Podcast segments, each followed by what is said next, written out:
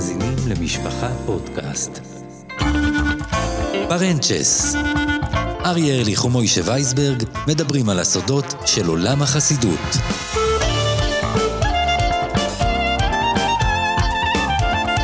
את המחזה הזה כולם מכירים. ליל ערב ל"ג בעומר, דמדומי חמה פושטים על הערים שסביב מירון, ואז הקלרינט מתחיל להשתפך.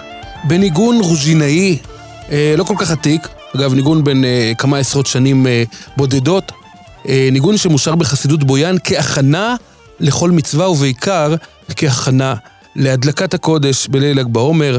על המילים ויהי נוים השם אלוהיכנו, ויהי נוים השם אלוהיכנו, והניגון הזה ממיס כל לב, חסידי ביאן עומדים בהמוניהם על הפרנצ'ס מול דמותו הקורנת והאצילית של הרבי מביאן.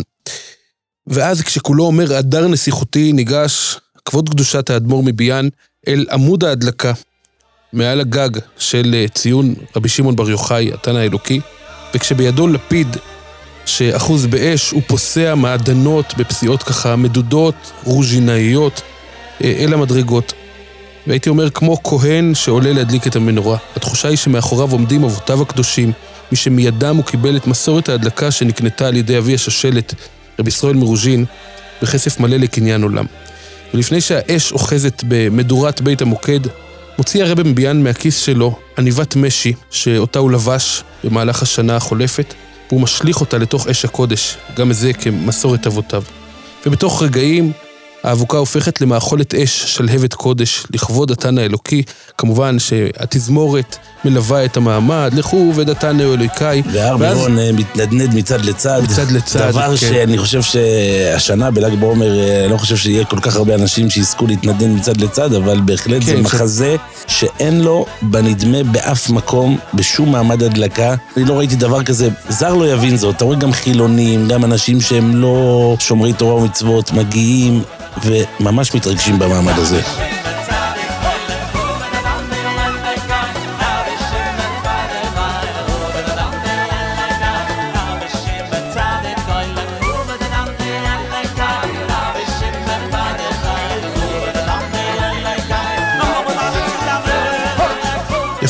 עכשיו, כמובן ההדלקה היא בעצם פותחת את אירועי ההילולה, ככה משנים אה, שנים, שנים ארוכות אחורה. ולאחר מכן, במשך שעה ארוכה, האדמו"ר עומד מול אלפי החסידים, מוחא כף אל כף, בככה מחיאות כפיים מדודות כאלה, לא סוערות. אתה לעולם לא תראה בביאן איזושהי סערה, איזה ריקוד כי זה שיוצא משליטה. זה האצילות אצילות, של האדמו"ר. גם מחיית הכפיים שלו, חבל שאי אפשר להדגים את זה בפודקאסט, אבל זאת מחיית כפיים עדינה, מדודה, כף אל כף, אה, ממש הייתי אומר הוד שבמלכות, אמנם אה, ל"ג בעומר זה הוד שבהוד בספירה, אבל כאן אתה רואה הוד שבמלכות, מול אה, פרנצ'ס עמוסי חסידים שמקרקרים בכל עוז לכבוד הילולת התנא האלוקי רבי שמעון בר יוחאי. אבל כשאנחנו מדברים על ל"ג בעומר במסורת של חסידי ביאן, זה בכלל מתחיל עוד הרבה לפני ל"ג בעומר. ההכנות לל"ג בעומר.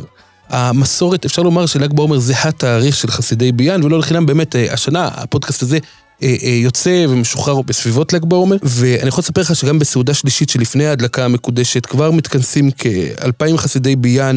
באוהל ענק שמוקם במתחם סמוך, כש- כשל"ג בעומר סמוך לשבת. ושים לב שגם החסידים- אם ל"ג בעומר יוצא בשבת, אז אה, נשארים. אז לא, במוצאי שבת, אז האדמו"ר מדליק עם שטריימל ולא עם עם קולפיק. שטריימל ולא עם קולפיק, יפה מאוד. אתה יכול לראות באמת כל שנה, תראה את התמונות של הרבי מביאן מדליק את ההדלקה, אז אם הוא לבוש קולפיק, שבוא נאמר למי שלא מבין מה זה קולפיק, זה אה, כובע, פרווה, זה שטריימל עשוי מפרווה, בצבע חום. בצבע חום בהיר, זה בימי החול. ואילו בשבת, שזה מלבוש- שטריימל במוצאי שבת. שלובשים אותו בימי דה פגרה. בדיוק. בימים עכשיו- של אה, טישים מיוחדים, אה, לא בשבת קודש. עכשיו, ב- ב- בשעות האלה של סעודה שלישית, האדמו"ר עוצם את עיניו, ומפיו נאמרות דיברות קודש כהכנה לקראת ההזדמנות השנתית שבה הוא יחזיק במסורת אבותיו ויעלה את אבוקת הקודש. והוא נוהג לומר ככה, סבי הרב הקודש מרבי ישראל מרוז'ין, אמר שעשרות אלפי נשמות מקבלות את התיקון שלהן בהדלקה הזו. על גג הציון של רב שמעון בר יוחאי. ההכנה צריכה להיות כדבוי, כמו שצריך. והאדמו"ר מדבר בדיבור מתון, דיבור, אתה יודע, אתה שומע את המבטא האמריקאי, אנחנו גם נדבר על זה, על המוצא האמריקאי של הרבי, וזה מעניין שהרבי מביאן, בהערת אגב, בסוגריים אני אומר לך, ישנם שני אדמו"רים בירושלים, שהם אדמו"רים אמריקאים לקהל ירושלמי. האחד הוא הרבי מביאן, שני הוא הרבי מקרלין, והקהל הוא קהל ירושלמי מגוון מאוד. עם אה, כל הלבוש והכל. לא רק כל הלבוש, ב- בארצות... ב- גם בביאן, הרוב כשאנחנו אחר- מדברים על ביאן, מוישי, אתה יכול לראות שם את כל סוגי הכובעים. נכון, נכון. כל סוגי הכובעים, יש שם כובעי סמית. חסידיים, יש שם כובעי איך, יש שם קצת קנייצ'ים, אמנם. בשוליים, יש שם כמובן סופר בהמוניו.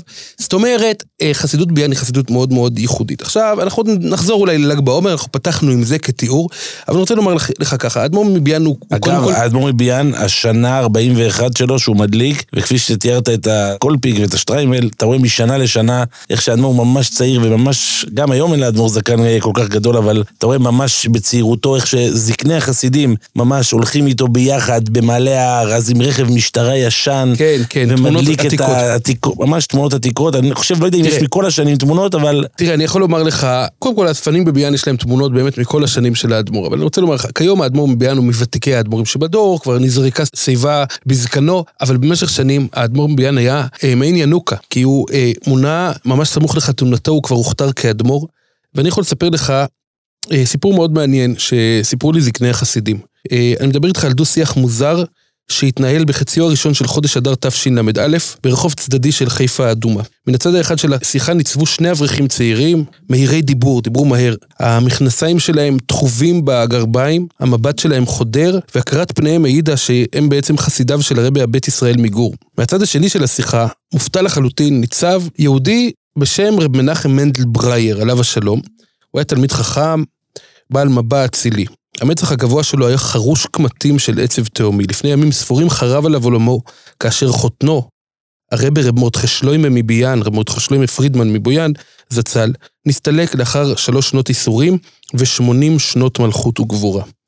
משהורם הנזר והתייתמו אה, חסידי ביאן ונותרו כצאן ללא רועה, גם משפחות פרידמן וברייר התייתמו.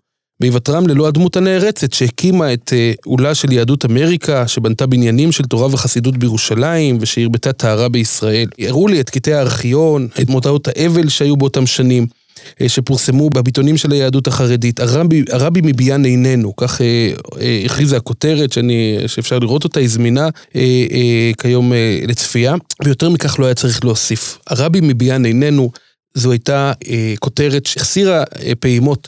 בלבבות רבים. עכשיו, הרבר במותך שלם מביאן השאיר שני בנים, בת אחת וחתן. זאת אומרת, שני בנים, וגם בת אחת וחתן. וכמובן עדה שלמה מיותמת. הבנים לא נטלו את נזר ההנהגה, הם לא ראו את עצמם ראויים לכך, והחתן, רב מנחם מנדלברייר, גם הוא דחה מראש כל ניסיון להשית עליו אה, אדרת רבנית כלשהי. אמנם הוא היה בקיא בתורת החסידות ובדברי ימיה, אבל את נזר השטריימל הרוז'ינאי המפורסם, שהוד של מלכות בראשו והדר של אצילות חופף את כל מי שראוי ללבוש אותו, את זה הוא לא הסכים לחבוש. ואז בעיצומם של ימי השבעה, אנחנו חוזרים לסיפור, בעיצומם של ימי השבעה, ערך הרב ברייר גיחה משפחתית לחיפה, שם מתגורר אז אביו, הרב החסיד רבי יוסף ברייר. שם השיגה אותו השיחה האמורה שבישרה לו שהרבי מגור, בית ישראל, מבקש לראותו ללא שיהוי. הרבי שלח אותנו לחיפה במיוחד, הוסיפו החסידים. הרבי מגור, הבית ישראל? הבית ישראל. ובאותו ערב, מוישי, הרב ברייר היה אמור לחזור לארצות הברית. אז הוא ניגש לאביו, רבי יוסף ברייר, והתייעץ איתו מה עושים. הרבי מהבית ישראל מגור אומר לי לבוא לירושלים, לבוא, להת... לבוא לפגוש אותו. כמובן שאביו אמר לו, אם הרבי מגור קורא לך, כדאי לך לבוא. לרב ברייר לא נותרה ברירה, ובתוך שעות הוא התייצב בביתו של הרבי מגור בירושלים. הרבי מגור, הבית ישראל, שואל את הרב ברייר, כמה ילדים יש לך? שניים, משיב רב מנחם מנדל ברייר.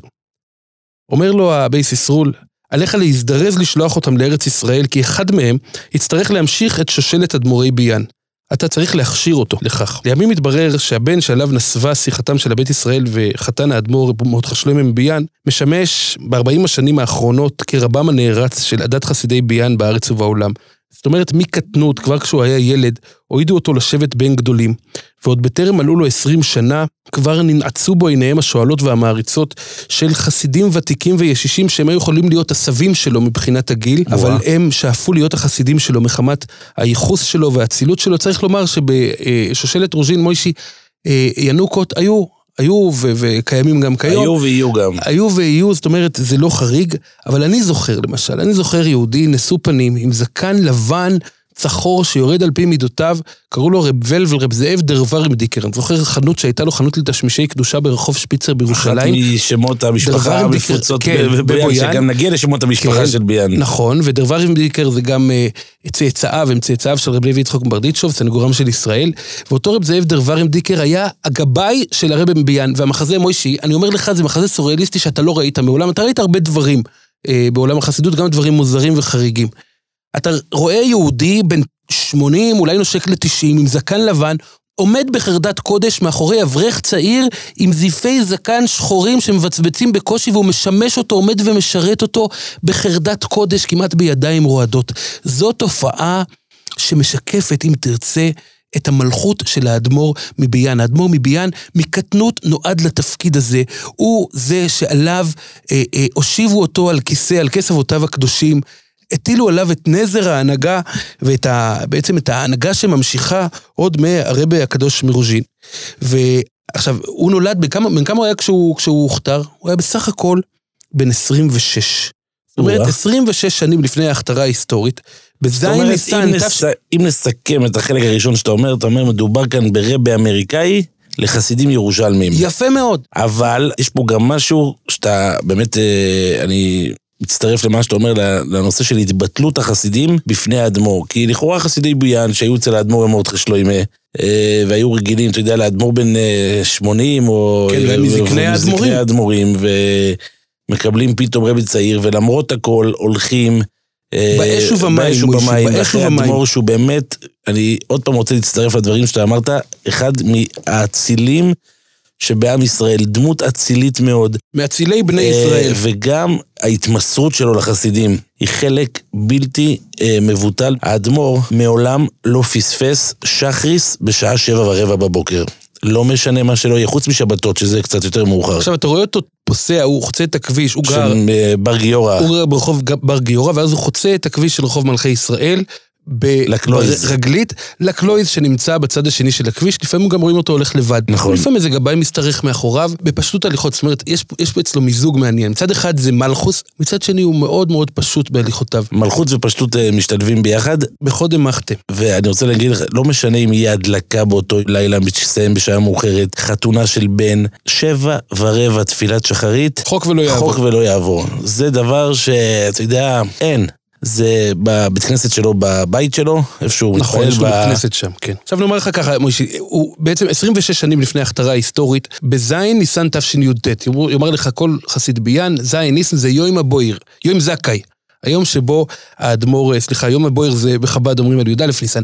זין ניסן זה יום זכאי בחסידות ביאן, עושים גם אה, אירוע של לחיים, זה יוצא לפני פסח, עושים לחיים לכבוד יום הולדתו של הרבי. ובאותו זין ניסן תשי"ט, אה, רבתה השמחה בבית משפחת הרבי מביאן, אה, הרב קודש, כמו שהזכרתי אותו קודם, רב מרדכי שלוימה אה, פרידמן, שהתגורר אז בניו יורק, נולד בן שני לחתנו, רב מנחם מנדל ברייר. ברית המילה התקיימה בערב פסח, לאחר סוף זמן אכילת חמץ, בבית מדרשו של הסבא בשדרות ברודוויי 247, באיסט סייד שבניו יורק. הכיבוד, מנהטן. כן, במנהטן, נכון מאוד, באיסט אמר סייד לי של חסיד מנהטן. בויאן פעם, אומר, למה לא השאירו את מרכז החסידות במנהטן? ככה זה- היינו, מוישה, מוישה אתה- שונה לנסוע למנהטן, הוא מוישה, אומר, אתה לא היית שם, זה קלויז אני קטן וצר מאחיו. להפך, אז חי, אה, אריה, עשרים איש יכולים להתפלל למה אתה שם לא בקושי. הולך ומתרחב? מי אמר לך שלא היו קונים גורדי שחקים, אכסניות? עכשיו הסגרת את המוצא הירושלמי של חלק מחסידי ביאן, זה, נו, חסדי נו, השם, למה הם לא השם. נוסעים? על כל פונים, רב מוישה, אז אני רוצה לומר לך ככה. מוישה אה, שונה במנהטן אנחנו זה קטן בשבילך? נו, נכון, נכון, זוכים הרבה חסידי בובוב נוסעים באמת. זה אה, זה חב"ד כמובן נוסעים. נו, זה לא, זה האיסט סייד, זה האזור האיסט הישן זה של מנהטן. זה טוב, לא, זה לא. אוקיי. בכל אופן, מוישי, אז, אה, אז אה, בברית כמובן הכיבוד היה פשוט מאוד, כליות ואגוזים, זה כבר היה אחרי סוף זמן אכילס חומץ, ויקרא שמו של הנער הרך הנימול בישראל, נוחום דוב, על שמם של הסבים לבית ברייר. לצד זאת, יש בביאן מי שמציינים את העובדה ששני בניו של רב מנחם מנדל ברייר, הרבי, ואחיו הגדול ממנו בשנים, נושאים את שמותיהם של בניו וחתנו של האדמו"ר הפחד יצחוק זצ"ל מביאן, מייסד שושלת ביאן. שטמון בווינה. כן, נכון מאוד. עכשיו, אני רוצה לספר לך, אני פעם יצ... זכיתי לפגוש את אה, אחיו הגדול של האדמו"ר, אחיו הגדול בשנים של האדמו"ר. איפה הוא גר? הוא גר בארצות הברית, והוא עובד ב... אה, נדמה לי בנאסא. הוא עובד בנאסא, כלומר בסוכנות החלל העולמית, יהודי אה, אה, עם המון המון ידע חסידי, יהודי אמריקאי, ירא שמיים, עם הנהגות חסידיות, איש מאוד מעניין ומאוד מאוד מאוד גאה כמובן, אה, גם בשושלת המשפחתית שלו, אבל גם ובעיקר באחיו, שאותו הוא מכבד מאוד מאוד, הכבוד ההדדי שביניהם הוא מיוחד במינו. עכשיו, כשיגיע הרב הצדיק בנוחם דויב ברייר לגיל 17, זקני חסידי ביאן ישימו בו את עיניהם, והם יבינו והם יסמנו אותו כחוליה הבאה בשושלת המנוחה, ואז הם יכנו אותו, בשנים שקודם הנהגתו, בחיבה, נוחום ברניו. הסיומת ניו מאוד מאוד נפוצה בשושלת רוז'ין. כן, נוחום ברניו. ומוישה ניו. כן, כן, נכון מאוד. וכולי, הרבה אדמו"רים. זה, זה סיומת של חיבה. אה, כן, אמרתי לך, אחיו זה, זה רבי ישראל אברום ברייר, ובין האחים שוררים אה, קרבה ויחסי הערכה גדולים, והם נפגשים בשמחות משפחתיות. עכשיו, אני רוצה לומר לך שלמעשה, אחד מזקני החסידים סיפר לי, תיאר לי בעיניים בורקות את השנים שבהן הכשירו את הבחור, את הנצר הקדוש אה, מביאן, להמשיך את שושלת אבותיו. והם סיפרו איך כל השנים פיעמה בלב כל החסידים הציפייה שהנכד, הבן של חתן הרבר מרדכי שלוימה יבוא לישיבה, יבוא ללמוד בישיבה בארץ, והוא יכשיר את עצמו לקראת קבלתה של עטרת ההנהגה. ולבקשת החסידים, בשנת תשל"ו, כשרב נחום ברניו, בן 17 בסך הכל, שיגר אותו אביו לארץ ישראל. וזה היה לאחר מספר שנים שבהן הוא למד בישיבה סמסויפר בניו יורק, ואז הוא החל לקבוע את תלמודו בחברותא עם זקני החסידים דאז. וכבר אז ראו את גינוני המלכות, את uh, הליכות האצילות, את השקט, את המופנמות, ואתה שואל את החסידים, מאיפה בעצם הוא שאב את הגינונים הללו? מאיפה? אה, הוא הרי לא, לא גדל ברוז'ין במובן המובהק והקלאסי. ומשיבים זקני החסידים שהוא אה, אה, הכיר את סבו עד לגיל בר מצווה, את סבו רב מרדכי שלוימה. בשנות חוליו האחרונות אף התגורר הרב רב מרדכי שלוימה בבית ביתו הרבנית מלכה, עליה השלום, אמו של הרבי הנוכחי. וכשהרבי הנוכחי מביאן הגיע ארצה כנער בן 17, הוא התחיל אה, להסתופף בצילו ולהתחקות אחר הנהגתו של הרבי הזקן מבוהוש זצ"ל, שהיה ביניהם, ביניהם פער של 70 שנה, אבל הייתה הערכה גדולה מאוד אה, שהפגין הרבי מבוהוש כלפי החוטר הצעיר לבית רוז'ין, וכך למעשה הוא שאב מלוך אופניים הליכות חסידיות אה, בעצם מהרבי מבואוש וגם מהרבי הזקן ממחנובקה, שגם הוא עצמו היה אה, צאצא לבית רוז'ין. עכשיו, אין ספק שגם אה, זקני חסידי ביאן אה, הכשירו אותו, והוא שאב מהם המון אה, סיפורים ווורטים ואמרות והליכות זהב של אה, שושלת המלכות הרוז'ינאית. ימים ולילות המתיקו איתו זקני החסידים סודות וגנוזות מאוצר בית המלוכה הרוז'ינאי, כפי שהם ראו אצל האדמו"רים רב מרדכי שלוימה ואצל אביו הפחד יצחוק מביאן. עכשיו, הייתה תקופה קצרה, זה פחות אה, ידוע, מוישי, הייתה תקופה קצרה שבמהלכה חזר האדמו"ר לעתיד לניו יורק מכורתו. אה, קצת, אתה יודע, לברוח מהחסידים שרדפו אחריו כל הזמן ו- ורצו להתקרב אליו ולהסתופף בצילו עוד לפני שהוא הוכתר רשמית. היה איזה חסיד שהתיידד איתו אה, מיד לאחר שבו, שהגיע ארצה, והוא סיפר לי, אותו חסיד, שהוא ניהל איתו קשרי מכתבים גם בתקופה שבה הוא שהה בניו יורק, ובאחד המכתבים כותב לו האדמו"ר לעתיד, שזקנו, הרבר מרדכי שלוימה אמר פעם שהוא יושב באמריקה וחושב על העיירה ביאן. אני, כתב המיועד להיות אדמו"ר, יושב כעת באמריקה וחושב על הישיבה בארץ ישראל. טוב, ואז בגיל 20, לאחר שלוש שנות שקידה מפעימה בתורה ובחסידות בארץ ישראל, דובר נכבדות באדמו"רם העתידי של חסידי ביאן, אה, אה, אתה יודע, שידוכים. והיה את הרבי מקופישניץ, הרב הצדיק, משולם זוסיה אשל, בנו הצעיר של אה, הרבי רב אברום יהושע אשל מקופישניץ, הוא זכה להפוך לחותנו של מי, מי שעתיד להנחות את הדת חסידי ביאן. והחתונה הגדולה, מוישי, לא ישכחו אותה, כל מי שהיה אז בירושלים, אני כמובן עוד לא נולדתי, אבל שמעתי תיאורים על החתונה ההיסטורית בשנת תש"מ, אז חוותה ירושלים החרדית את אחת החתונות ההיסטוריות והזכורות ביותר בירושלים. אה, אמרו שחסידים המליצו שחתונה עליזה כזאת לא נערכה בירושלים מאז שנחרב הבית. לשאלתך, קודם כל דירה מיוחדת נסקרה עבורו ברחוב סורוצקין בירושלים, סמוך לבית סבו הרב רבי יוסף ברייר, שהיה בעבר, בעבר אה, קודם לכן, מלפנים, הוא היה רב העיר שטפנשט ברומניה, והוא התגורר באותו הרחוב, ברחוב סורוצקין. והחתונה הייתה חתונה גדולה מאוד, שלמעשה אה, כולם אה, זוכרים אותה, כל מי שהשתתף בחתונה הזאת. עכשיו, אחרי נישואיו, המשיך הרבי לשבת וללמוד במחיצת גדולי החסידים. חלפו עוד חמש שנים, מוישי, לא מיד בחתונתו הוא הוכתר, אלא חלפו עוד חמש שנים מהחתונה ועד להכתרה הרשמית שלו, אבל גם באותם שנים הוא כבר ישב בראש השולחן, ובביישנות רבה, עיניו היו למטה, וכל כולו ענוות חן וצניעות שעד היום נשזרת עם גינוני מלכות מרשימים. חמש שנים חיכו החסידים מתי יגיע הרגע המיוחל, ואז הגיע הרגע. ובחנוכה תשמ"ה, זה התאריך, תזכור אותו, חנוכה תשמ"ה, הושיבו את הנכד על כיסא אבותיו במעמד שזכרו לא יימחה מהתודעה של רבים מהחסידים. וכמובן שגדולי ישראל שבאותו הדור מאוד מאוד עודדו את, אה, את הרבי מביאן, לקחת על עצמו את אדרת ההנהגה. כמובן הבייס ישראל קודם לכן, והלב שמחה, והפני מנחם מגור, והשפע חיים מקלויזנבורג, והרבי מלובביץ', והרבי מוישה מורץ מיללוב, והרבי שלמה זלמן אוירבך, והחלקס יהושע מביאלה, שיש מוישה מוויז'ניץ, רמות עליהם רחמס טריבקה, וייבדל לחיים ארוכים גם הרבי מאמשינוב, אה, שערך לכבודו סעודת שבע ברכות שזוכרים רבים. גם בצעירותו הוא נפגש כמה פעמים עם, עם פוסק הדור, רב מוישה פיינשטיין בארצות הברית, באיסט סייד, שהוא היה ידיד טוב של זקנו, הרב, הרב רב מורטכה שלוימה מביאן, הוא גם, יש איזו הקדשה אישית שרב מוישה פיינשטיין כתב לרבי על אחד מספרי האיגרויס מוישה, הוא כתב לרענו וידידנו, כן, זה הפענוח, רב נחום דוב שליט"א, בן החשוב והנכבד רב מנחם מנדל ברייר, אשר הוא עשוי להתעלות ברוך השם, בעזרת השם, והוא נכד ידידי האדמו"ר מביאן זצ"ל. עכשיו, כמובן, אמרתי לך, זה אה, לקח זמן, לקח חמש שנים, והחסידים הפצירו, ובסוף, הגיע הרגע המיוחל.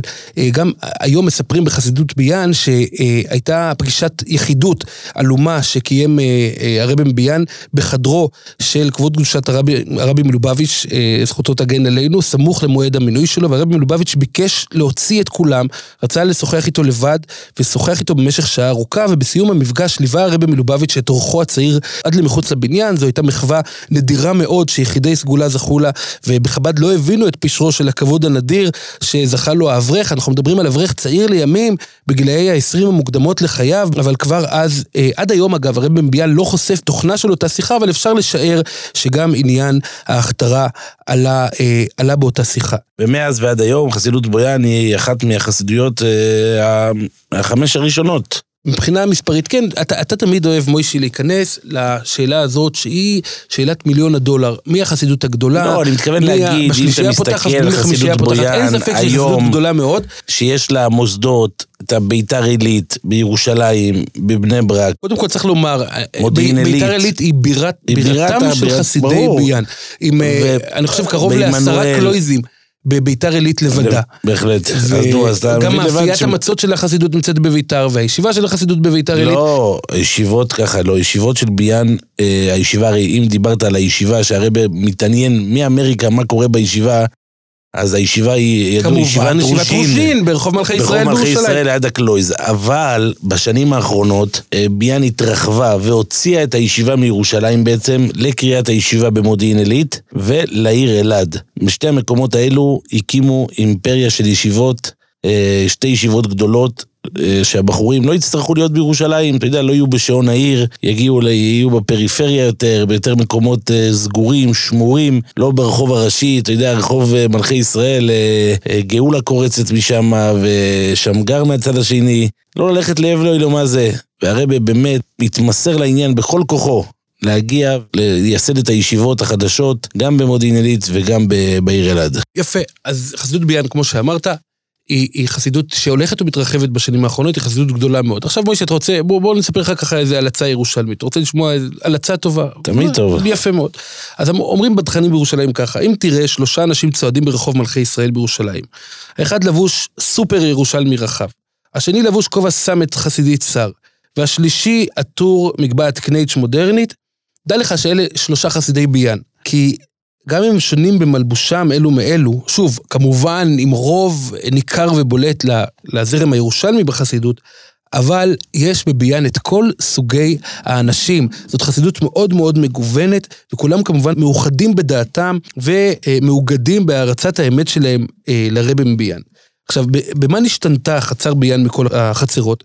שבכל החצרות מביטים החסידים, אה, מסתכלים החסידים על הרבה ועוקבים אחריו, אה, כשהוא בבית וכשהוא בבית המדרש וכשהוא בחברת החסידים וגם כשהוא בחיק המשפחה, כי אתה יודע, חסידים תמיד הם אוהבים להיות, אה, להזדנב אחר הרבה. בביאן, החסידים לא יחצו את מפתן מעונו הפרטי של האדמו"ר. זאת אומרת, אפשר לומר שרחוב מלכי ישראל, מוישי זה כמו חומה שחוצצת בין הציבורי בהחלט. לפרטי. וכאשר חסידים ילוו את הרבה לביתו, הם יעצרו בחצר החיצונית ברחוב בר גיורא, ומשם הם לא ייגשו הלאה. זאת אומרת, הרבה משתדל שהבית יישאר מרחב פרטי עבור בני המשפחה, ומבלי לערבב את ענייני הנהגת הקהילה בענייני הבית. עכשיו, אני רוצה לומר לך, שמכיוון שהרבי מבויאן אה, הוכתר לאדמו"ר בגיל 25, כשהוא אברך צעיר, אז למעשה כל ילדיו נולדו לתוך האדמו"רות. הם לא מכירים מצב אחר מלבד המצב שבו הם נסיכי קודש אה, בחצר ביאן. והאדמו"ר מביאן, מוישי, וזה, אתה יודע מה, שאבות ישמעו את זה, ושכל אחד שיכול ללמוד מכך, ילמד מוסר השכל, אנחנו כולנו אנשים עסוקים, אנחנו לא יודעים איפה נגמרת העבודה שלנו, איפה נגמר התפקיד שלנו, ואיפה מתחיל חינוך הילדים.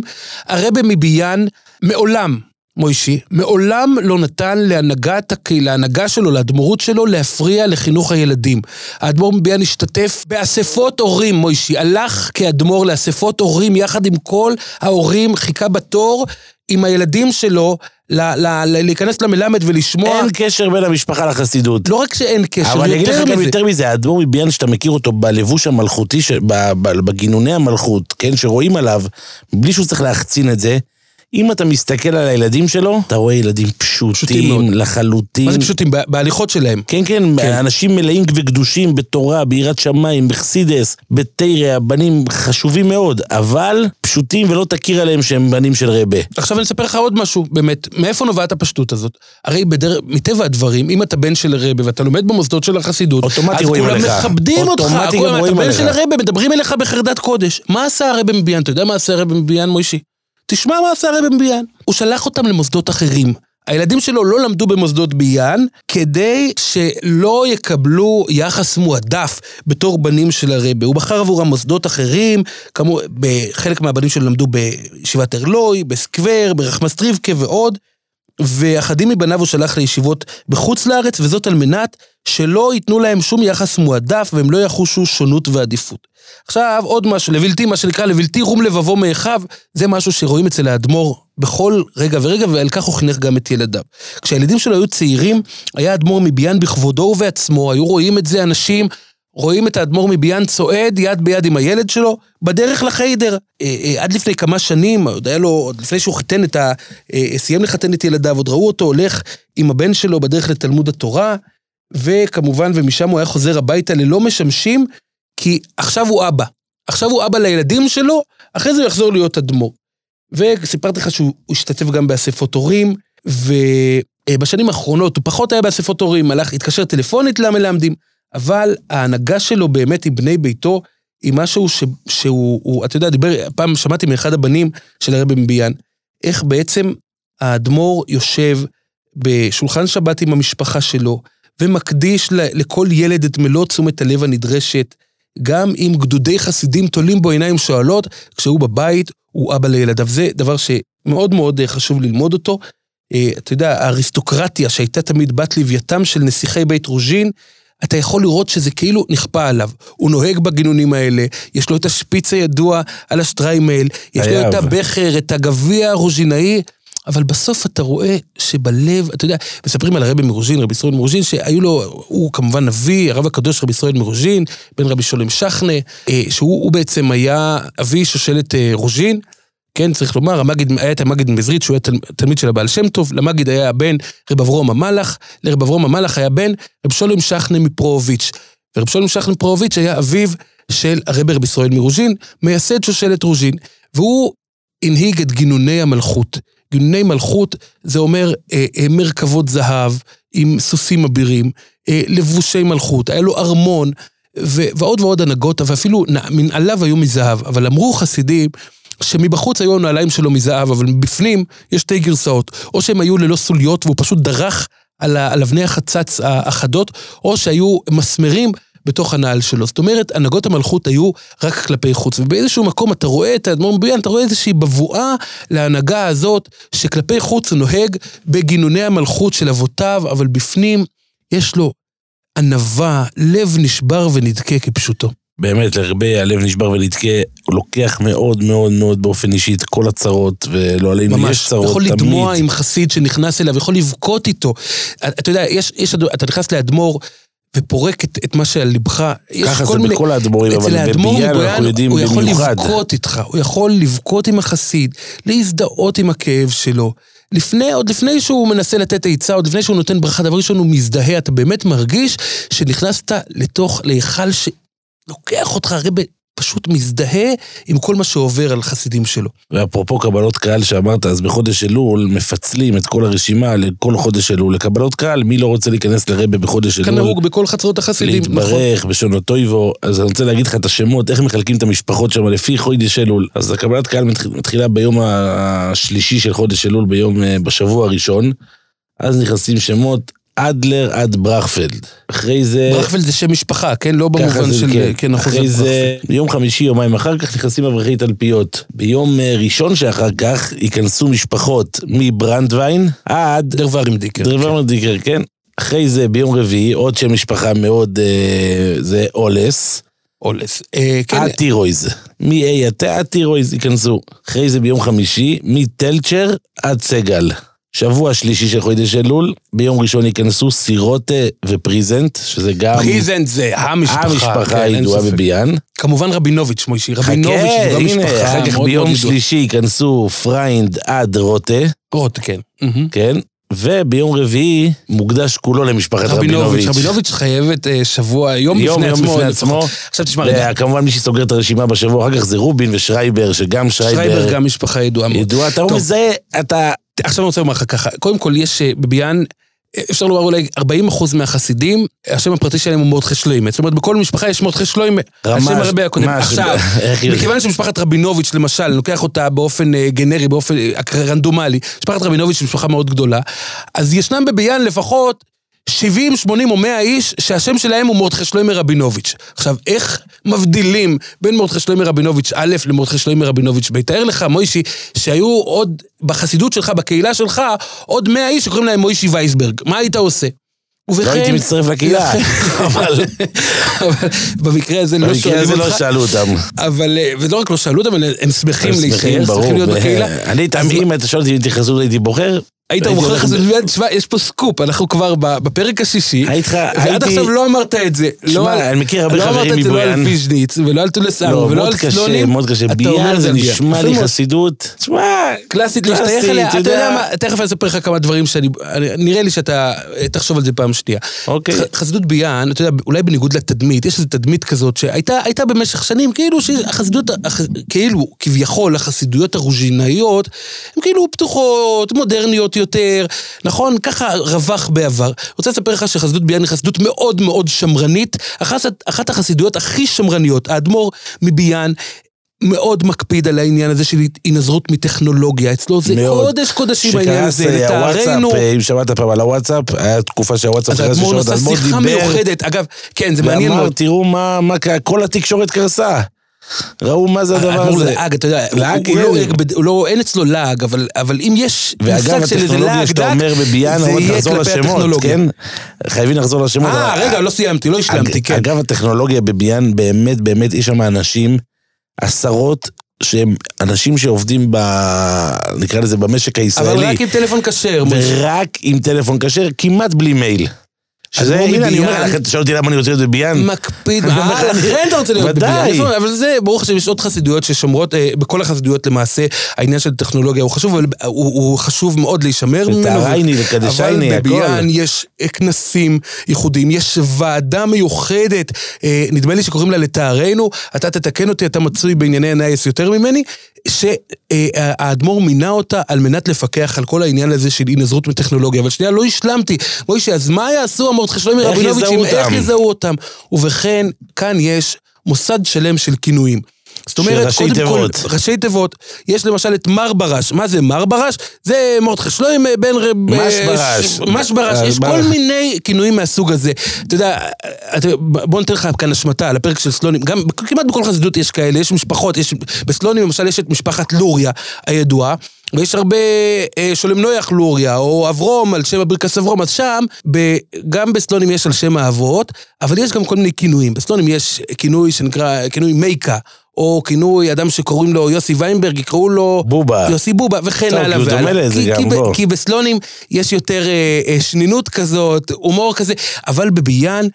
פשוט יקראו לך על שם האבא. אז אתה מרדכי שלוימר ברב דוד, מרדכי שלוימר ברב אברום, מרדכי שלוימר בב וכן הלאה, האדם נקרא על שם אבותיו. אתה יודע, כמו, כמו אבותינו, בעבר לא היו שמות משפחה. לא היו שמות משפחה, אז, אז איך קראו לאדם? מר ברש, אני חושב שזה דוד. השם הכי, לא יודע... כן, זה, זה, זה שמו של מר אחד העסקנים בחסידות. ברש, כן. ובכן, חסדי זה, השם. זה העניין הזה, זה העניין באמת של, ה, של החסידות הזו, שהיא בעצם כמו משפחה אחת גדולה. ביאן היא חסידות שהיא כמו משפחה אחת גדולה, וגם בגלל העובדה הזאת שישנם כמה משפחות שהן עמודי התווך אה, של חסידות ביאן. עכשיו אני רוצה לומר לך עוד משהו. מה אני רוצה לומר לך? רבים רבים זוכרים, כמובן החסידים הוותיקים יותר, בני ה-30, 40 פלוס, איך האדמו"ר מביאן מגיע ללמוד עם הילדים שלו באובוי סובונים. פשוט מאוד, זה נקרא... אם הוא הולך לאספות הורים, לא ילך לאבוי עכשיו. עוד משהו. עכשיו, האדמו"ר מביאן, אתה יודע, כל הנסיכים בשושלת רוז'ין בכלל, כמעט בכל החסידויות, הבנשקים לבושים אחרת. נסיכים בבית רוז'ין, יש להם את, את השטריימל עם השפיץ. בביאן זה לא קיים. אתה לא תזהה את הבן של האדמו"ר מביאן לפי, לפי, אה, לא לפי שטריימל מיוחד, פשוטים לא לפי פשוטים. שפיץ, אלא הכל בפשטות. הם לא עונבים אפילו עניבה, ולא חובשים שטריימל מחודד, ואלה שבקיאים בתולדות בית רוז'ין עשויים לתמוה. הרי ככה היה נהוג בחצרותיה מקדמת דנא שהבנים גם כן לבושים. באיצטלה דה רבונון. אבל ההשקפה של הרבי מביאן, ההשקפה החינוכית שלו, שמחלחלת גם להמוני חסידיו, היא שצריך שיהיה חינוך שוויוני שגובר על כל שיקול אחר. והרבי מביאן מקפיד על קוצו של י' בהליכות בית רוז'ין, אבל בעניין הזה חשוב לו לחנך את ילדיו לפשטות, אתה גם אה, ציינת את זה. עוד משהו עכשיו- שאני רוצה להגיד לך, כן. למשל הרבי לא מזמן דיבר על כך שצריך להתחזק כמובן בתפילה. אז הוא התייחס לנושא הזה של העלונים. הרבי אומר שיש הרבה התרשתות לאחרונה בנושא הזה של אה, קריאת עלונים בתפילה. הוא אומר, יש גם אלו שטוענים שאדם, עדיף שאדם יקרא עלונים מאשר שידבר בשעת כן. התפילה. אבל לעומת זאת, יש הרבי אומר שאפשר עדיף להפך, שטוב שיותר ידבר בשעת התפילה. למה? שבזה הוא יודע שהוא, שהוא, שזה דבר אסור ולכן הוא נכשל. אבל בכל אופן הרבי אומר, אסור להביא עלונים ולא לקרוא עלונים, והוא גם אמר שימנה גבאים. אה, לפני תקופה, לא, לא, לא תקופה לא ארוכה, האדמו"ר דיבר על זה, ובאמת אה, מאז התמעטו, אפשר לומר לגמרי, העלונים בחצר חסידות ביאן. עכשיו רוצה לספר לך עוד משהו. הרבי מביאן הוא לא רק נוהג בעצמו בפשטות, אלא באמת יש לו מקום בלב לכל עזובי ירושלים. במשך שנים הוא הכניס לביתו, לשולחן השבת שלו. חסידים גדולים לא זכו להיכנס לבית שלו, אבל מי כן? אנשים עניים ומסכנים. ושבורי לב שבירושלים, אותם הוא מכניס אליו הביתה. הוא לא רק מכניס אותם הביתה, אלא מכניס אותם אל תוך הלב שלו.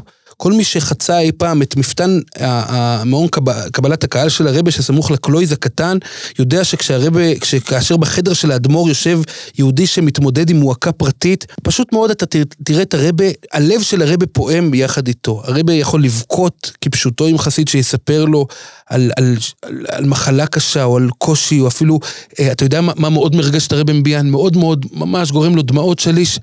בחורים מבוגרים. כשנכנס אליו בחור מבוגר ואומר לו על הקושי בשידוך עם רבי מביאן, יכול פשוט לבכות איתו. והאדמו"ר מביאן לפעמים אומר שקשה לו, אומר לגבאים שלו, שקשה לו לקבל כמות גדולה של אנשים בקבלת קהל. הנה, אתה דיברת, למה מחלקים את הקבלת קהל? כי קשה לו, כי כל, כל סיפור שהוא שומע, כל תיק, כל צרה, זה אבן על הלב שלו. הכאב שלו פולח כליות, גם אם לא רואים את זה אה, כלפי חוץ, ולכן הוא אומר, מה אתם חושבים, שקל לי לשמוע כל כך הרבה צרות? ולכן, אה, אה, אתה יודע, יש, היה סיפור, אתה זוכר שלפני אה, הרבה שנים, היה סיפור שהחריד את יהדות ארצות הברית. הילד לייבי קלצקי, זיכרונו לברכה, למד בביאן, בחדר ביאן בברוקלין.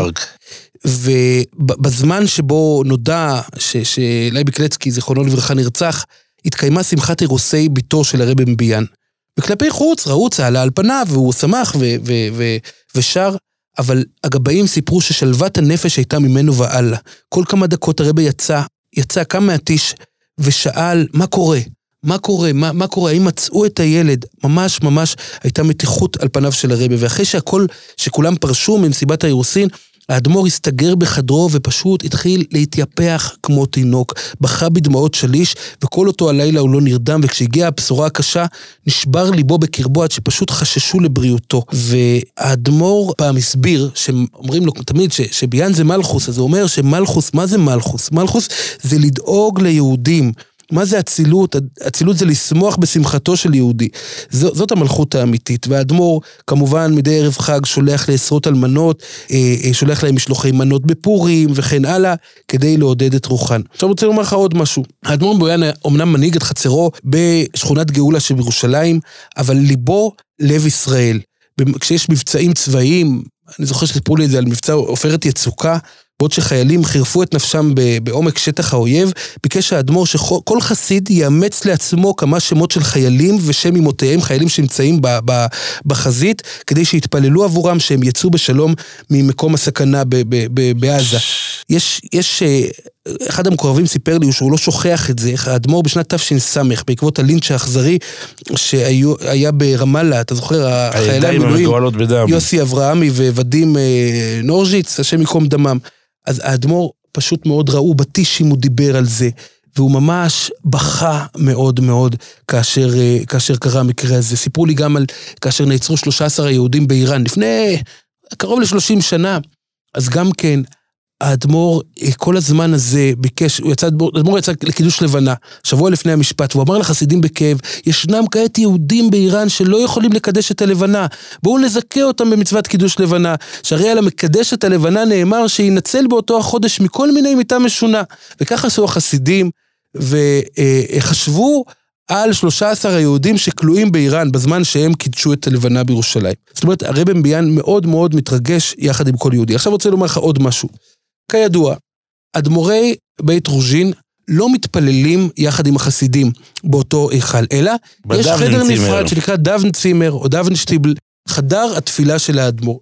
שם ספון האדמו"ר, אבל ישנם זמנים מוגדרים בתפילה שבהם האדמו"ר כן יוצא או פותח את הדלת. אגב, איך יודעים שהאדמו"ר סיים תפילת שמונה עשרה? אם הוא מתפלל בתוך, בתוך הדוון צימר, אז איך יודעים שהוא סיים תפילת שמונה עשרה והחזן יכול להתחיל חזרת השץ? ובכן, ישנו סימן מוסכם. כאשר האדמו"ר מסיים תפילת שמונה עשרה, הוא לוחץ על הידית. וכשרואים מבחוץ שידית הדלת אה, נלחצה, אז יודעים שהאדמו"ר סיים את תפילת שמונה עשרה ומתחילים את חזרת השץ. אבל ישנם קטעים בתפילה שאליהם יוצא האדמו"ר, כמובן בקריאת התורה, האדמו"ר יוצא. וגם למשל בסליחות, זה אחד המעמדים שאני אוהב באופן אישי להשתתף בהם. בסליחס שמתקיימים בחסידות בויאן בערב, אה, לפני, בערב ראש השנה, אז יש קטע שבו האדמו"ר יוצא מהדוון צימר ואומר לבדו את העננו שבסוף הסליחות. הוא אומר את זה בנעימה מיוחדת במינה. עכשיו צריך להבין שבחסידויות רוז'ין לא מקובל שהאדמו"ר בכלל אה, ניגש לפני העמוד. אם בחלק גדול מן החסידויות יוצא לחסידים לשמוע את האדמו"ר, או בתפילת אה, מוסף של ראש השנה, או בתפילת נעילה של יום כיפור, או בתפילות, בהושענא רבה, או קריאת התורה, קריאת מגילה, לאדמו"ר יש תפקידים ברוב החסידויות. בחסידויות רוז'ין האדמו"ר הוא מלך שספון בחדרו. הוא לא ניגש לפני התיבה, הוא לא משמש כחזן ולא כשליח ציבור ולא כבעל קורא, אבל יש הזדמנות אחת נדירה, אחת ההזדמנויות היחידות אה, בשנה, שבה זוכים חסידי אה, ביאן לשמוע את רבם, זה בזמן הסליחות. בסוף הסליחות, כאשר האדמו"ר יוצא מהדוונצימר וניגש לאמירת הפיוט עננו. והוא אומר את זה בנעימה שמרטיטה כל לב בחסידות ביאן. אני אנסה קצת להכניס אתכם לאווירה. מוישי. ענני אלוהיקי אברהם ענני. ענני אלוהיקי יצחוק ענני. ענני אביר יעקב ענני. וזה מיוחד מאוד מלא רגש. אולי נשמע איזה קטע מזה. ענני. אדינם Yaneini, Aneini Eloheini, Aneini, Aneini, Uvini, Aneini, Aneini, Doreini, Aneini, Aneini, Doreini, Aneini, ענני דורשני, ענני, ענני, ליל הנאמן, ענני, ענני, גוסי, וחוסי ענני, ענני, דף וישר ענני, ענני, חי, וקיים, ענני. עכשיו, כיליד ארצות הברית, שפת האם של הרבי מביאן זה הם אה, השפות אה, יידיש ואנגלית, או אנגלית ויידיש, לא משנה הסדר. נדיר מאוד לשמוע אותו מדבר בציבור בעברית. כמובן שאם ייכנס אליו אה, חסיד או, או סתם אדם דובר עברית, אז הרבי ידבר איתו בעברית, אבל אה, בפומבי מאוד נדיר לשמוע אותו אה, אה, נושא נאום אה, אה, בשפה העברית.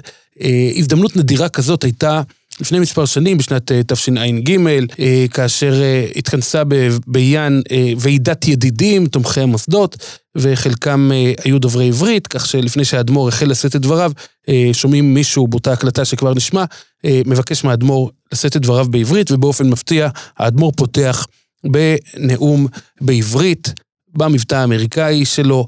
אה, שבו הוא אה, מכבד את אה, הידידים והאנשים החדשים שאנחנו זוכים לפגוש, והוא מצטט בפניהם דברים שהוא שמע מאביו מורו בשמם של חסידים ותיקים. בואו נשמע קטע קצרצר מתוך הנאום הנדיר של הרבי מביאן בשפה העברית. כל אחד ואחד מכם שבא סייף במרכז המוסדות של ריזם בים, רציתי לשתף אתכם במה ששמעתי כבוד אובי מורי ורבי, זכויות וברוכו, קיבל את זה בחסידים ותיקים מהדור הקודם. כן, זה היה הנאום של הרבי מביאן בעברית. החיבור שלו זה דבר מדהים, מוישי. דווקא פערי התרבויות. יש פער תרבותי לכאורה בין הרבה שגדל בארצות הברית ונולד בארצות הברית, לבין חסידיו הירושלמיים, אבל האהבה הזאת היא אהבה אדירה, כמים הפנים לפנים.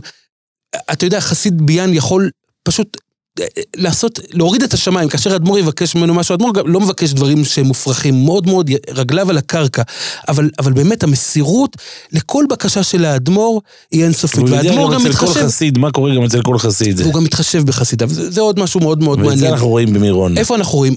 אנחנו רואים את זה, קודם כל אני רוצה לספר לך על פורים.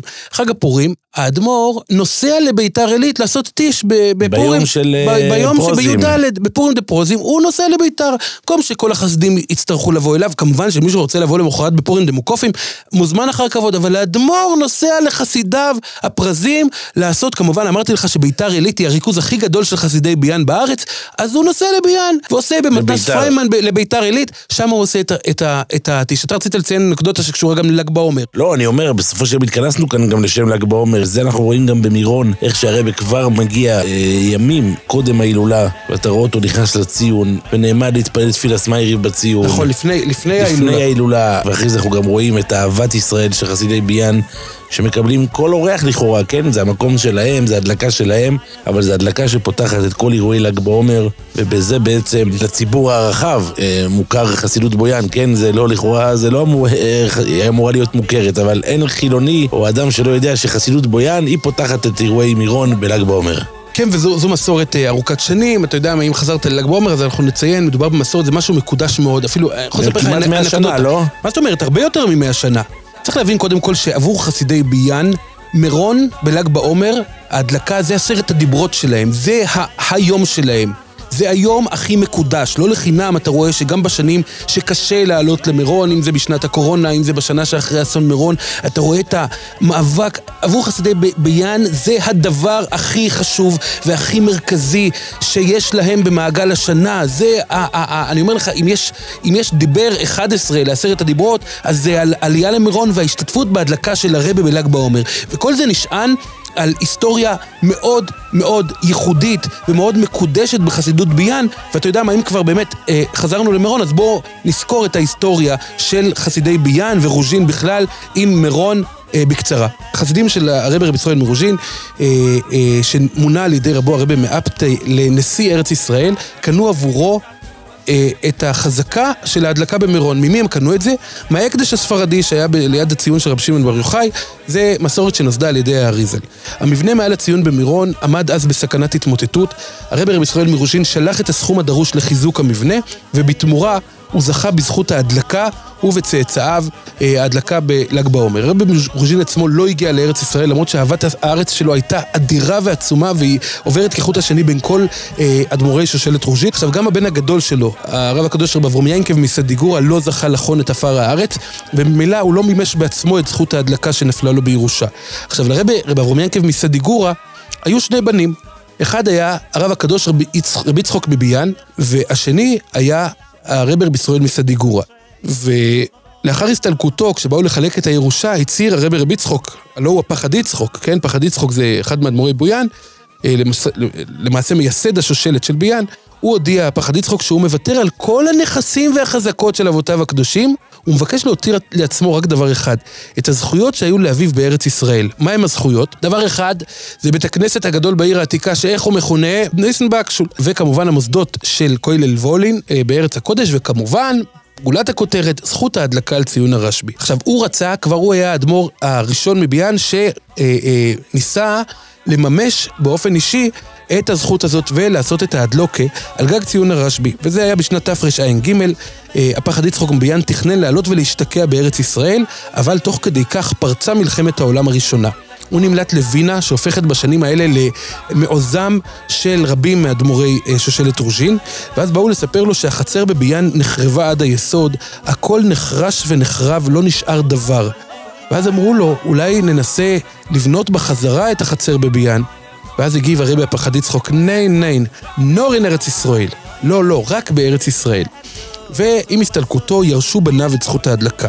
וכאן כבר מגיע אדמו"ר רוז'ינאי באופן אישי להדליק את אבוקת הקודש במירון. מדובר ברבי רבי מנחם נוחום, שמגיע ארצה לביקור בארץ בשנת תרפ"ז כדי להדליק בעצמו את אבוקת הקודש על גג ציון הרשב"י בליל ל"ג בעומר, ולמעשה ארבעת בניו של הפחד יצחוק העלו את ההדלקה במירון בשנים שונות. בתרצ"ג הדליק הרבי מלמברג, ביאן למברג, בשנה אחרת. אגב, חלק מההדלקות האלה מתועדות בתמונות. רבי בתמונות שחור לבן, עתיקות. מלייפציג.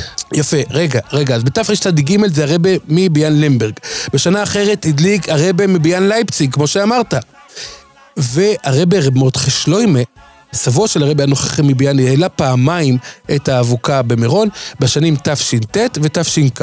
עכשיו, בשנים שאדמו"רי ביאן לא היו כאן, אז uh, את המסורת שימרו uh, רבני צפת, משפחת קפלן הידועה וכן הלאה. עכשיו, בל"ג בעומר תש"ח הייתה מירון כבושה עדיין בידי הערבים, אנחנו מדברים על uh, ממש ימים ספורים לאחר ההכרזה על הקמת uh, מדינת ישראל. כיבושו של ההר מחדש נעשה רק יומיים לאחר ל"ג בעומר. אבל עד לאותה שנה הדליק רבה של צפת, אה, רב רפואל זילברמן, את האבוקה בשליחותו של הפחד יצחוק, ולאחר פטירתו עברה השליחות לידי נכדו, רב אברום לייב זילברמן, שמילא את מקומו ברבנות צפת. בשנת תש"ט, כמו שאמרתי לך, הגיע הרבי מביאן מארצות הברית, רב מוטכה שלוימה, לקיים את חזקת אבותיו. יש אה, תמונות ותיעודים, שר הדתות דאז, יהודה לייב מימון, חשב להדליק בעצמו, אבל לבסוף אמר לו המזכיר שלו, שלמה זלמן כהנא, שלרבי מביאן שמורה חזקה מקדמת דנא, ומימון ויתר. ולאחר מכן הוציאה הרבנות הראשית פסק דין, שלפיו חלקת, חזקת ההדלקה שמורה לאדמו"רי ביאן רוז'ין. ובשנים הבאות המשיך את ההדלקה חתנו של הרב זילברמן, רב שמחה קפלן, רבה של צפת, שנפטר בתשמ"ט, ובשלוש השנים מתשמ"ה עד תשמ"ט העלה את המדורה הרבי הנוכחי מביאן, אבל הוא ביקש שהרב קפלן ניגש ביחד איתו להדליק את האבוקה, ואז מאז פטירת הרב קפלן ניגש האדמו"ר בעצמו עד לעצם היום הזה, לאורך ימים ושנים טובות, להדליק את ההדלוקה.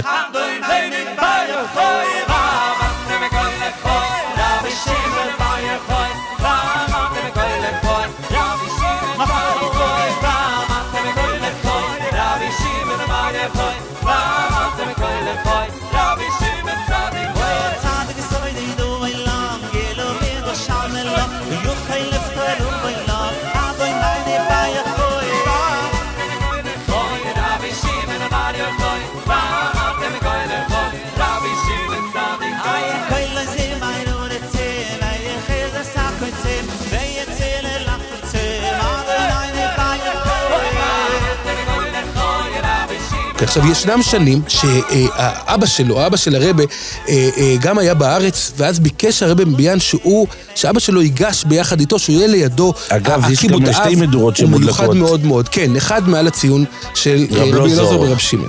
עכשיו, אני רוצה לומר לך עוד משהו, עוד משהו שהוא מאוד מאוד חשוב. האדמו"ר מביאן אמנם גדל בארצות הברית, והוא, והמקור שלו זה הליכות בית רוז'ין, אבל מאוד חשוב לו, מעודד, מעודד את חסידיו הירושלמיים לשמור על מנהגי ירושלים, לשמור על המסורת הירושלמית שלהם, אה, של היישוב הישן, אה, מכל משמר, את הלבוש הירושלמי, את מנהגי ירושלים.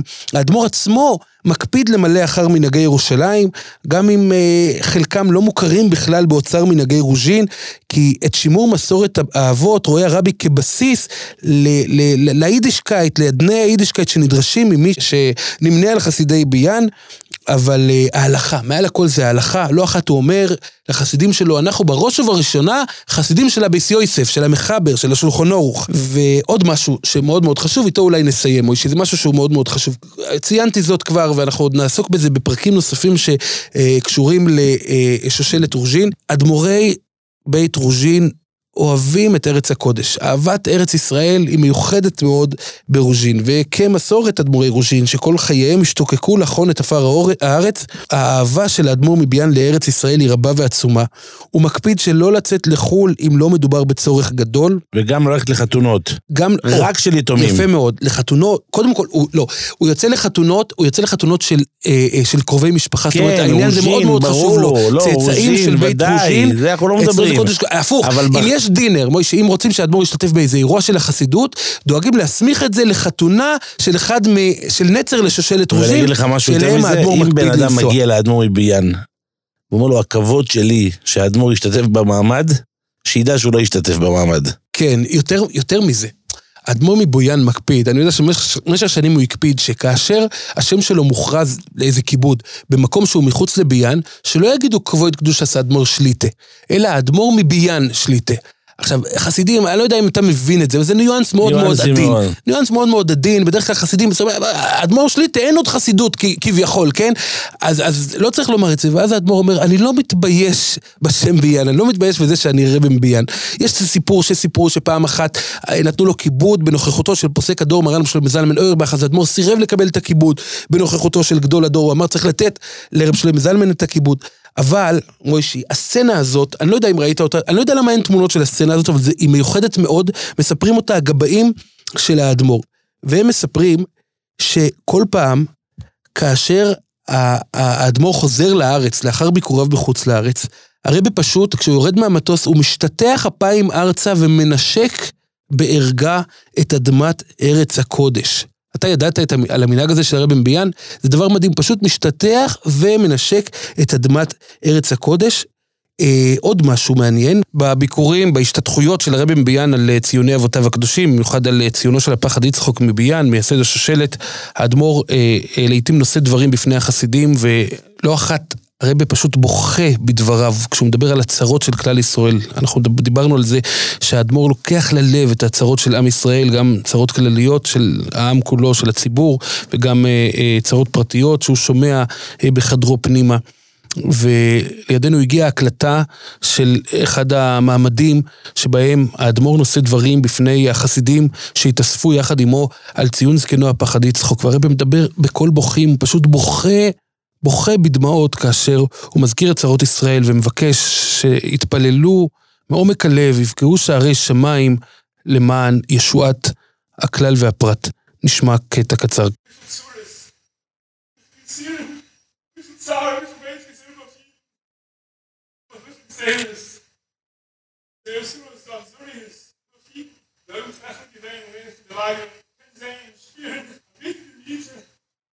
Menschen sind בעניין זה יש לי סיפור.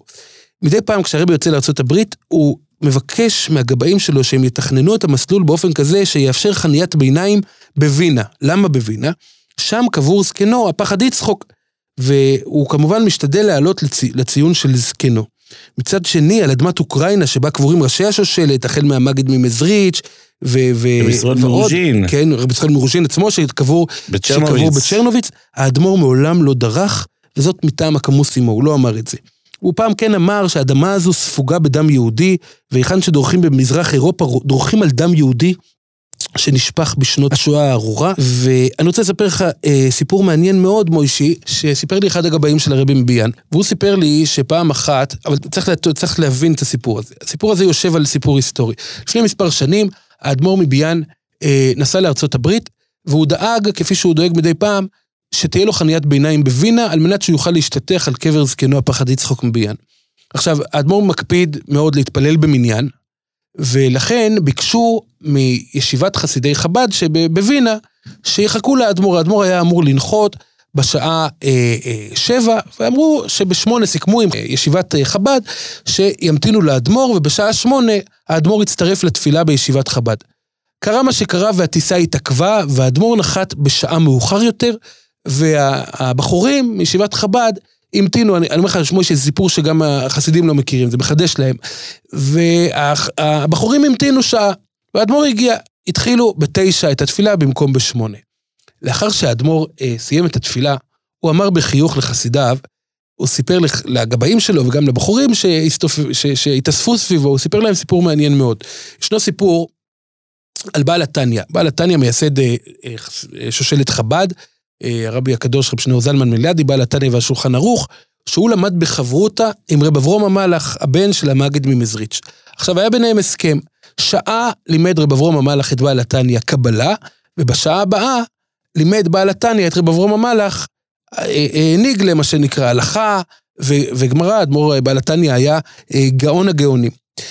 עכשיו, בעל התניא היה עושה מעין, אה, מה שנקרא, גנבת זמן. הוא היה מזיז את השעון אחורה מעט, כדי להרוויח עוד זמן במחיצתו של לימוד קבלה עם רב אברום המלאך. ככה, ככה סיפור. זאת אומרת, הוא היה מזיז את השעון אחורה, ואז מרוויח עוד שעה של לימוד קבלה על חשבון לימוד הניגלה. אמר האדמו"ר מביאן, עכשיו, כשאני נמצא פה בישיבה של חסידי חב"ד, ואתם המתנתם לי במשך שעה, אז אני בעצם החזרתי את השעה הגנובה שבעל התניא לקח מזקני רב אברום המלאך. זה סיפור שאולי באמת אה, אה, ראוי לסיים. מדהים, מדהים. אה, יפה, שיפה אפשר לסיים איתו את הפרק הזה על, על רוז'ין. את הפודקאסט. ועל ביאן, את הפרק הזה על בויאן, ואני רוצה לומר לך, מוישי, שבאמת, באמת, אתה יודע, אנחנו עסקנו בפרקים הקודמים בחסידויות מאוד סוערות. כשדיברנו על תולסן ותולסן ומצחוק, זה מלא רגש סוחף מאוד. אם אתם תיקלעו לקלויד של ביאן, אתם לא תראו את הסחף הגדול הזה. אבל בשביל זה צריך אנינות דעת, להטות אוזן, ולהקשיב לקול הפנימי לניגון שהוא אולי חרישי יותר, אולי מאופק יותר מאשר במקומות אחרים, אבל הוא מלא מלא קסם חסידי שכובש את כל החושים. אז זאת אה, חסידות ביאן, מוישי. היה נעים מאוד. היה נעים מאוד, אה, ואני רוצה לומר... התגובות, גם התגובות שאנחנו מקבלים. נהדרות, ואני רוצה לומר לך משהו. אלפי אלפי תגובות, ואנחנו שמחים שאתם שומעים את זה בכל הפלטפורמות, בטלפונים, בספוטיפיי, ב... ביוטיוב הכשר, בכל המקומות. אנחנו כמובן גם פתוחים להערות, אתה יודע, אחד הדברים שקצת אה, צובטים אותי... הערות והשלמות. כן, זהו, אחד הדברים שצובטים אותי, מוישי, זה שאני מקבל המון השלמות לאחר שהפרקים משודרים. נו, מה זה הפתעה, אי אפשר אה, להם פרק השלמות. למשל, אחד הדברים, אתה יודע, הפרק לתולדות אהרון ותולדות סברו מצחוק. רבים מחסידי תולדות אהרון תינו בפניי את צערם על כך שלא ייחדנו פרק אה, מיוחד בתוך הפודקאסט הזה, בתוך הפרק על תולדות אהרון, על מהפכת התורה שהרבי בתולדות אהרון. זה פשוט. אז אני רוצה לומר, נאמר את זה, נעשה את ההשלמה הזאת במילה אחת. האדמו"ר מתולדות אהרון מעולם לא תיקן שום תקנה, רק תקנה אחת. מיד על, עם עלותו לכס האדמו"רות, הוא תיקן את התקנה הזאת של עמוד היומי, שלומדים אותו עם המון חזרה ושינון, ואצלו זה קודש קודשים חוק ולא יעבור, עד כדי כך שבאמצע ההקפות האדמו"ר עושה הפסקה כדי שכולם ילמדו את עמוד היומי. לפני כל נדרי, לפני נעילה, בראש השנה עושים הפסקה, הכל למען לימוד התורה. ואחרי זה עושים מעמדים גדולים ויש מעמדי סיום הש"ס, ויש ש"ס עידן, אנשים, אברכים שנבחנים על כל הש"ס כולו. במעמד אחד, שזה באמת אה, אה, מיוחד מאוד מאוד. אז הנה, גם השלמנו את החוב הזה לחסידי תולדות אהרון, וזה ממש ממש על קצה המזלג. ועוד חזון למועד, בעזרת השם. אז באמת, אם יש לכם אה, אה, תגובות, הערות והערות והצעות, אתם מוזמנים אה, לפנות אלינו בכל הפלטפורמות. וזהו, אנחנו ניפגש בפרק הבא, אנחנו לא נאמר, מוישה, אני רוצה להשאיר את המתח, לא נאמר באיזו חסידות יעסוק הפרק הבא, אבל אפשר לומר שזאת תהיה חסידות מאוד מאוד מסקרנת, שווה לכם להמשיך לעקוב. בואו נסיים עם ניגון ביאן שכבר מתנגן לו ברקע. תודה רבה מוישי. תודה רבה אריה. להשתמע.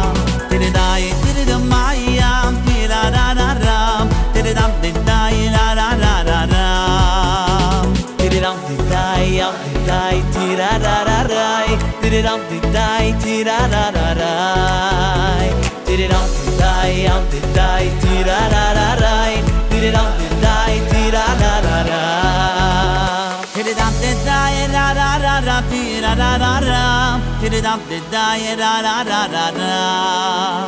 Ti di da di da ti ra ra ra mai ra ra ra mai. Ti di da ti ra ra ra ra.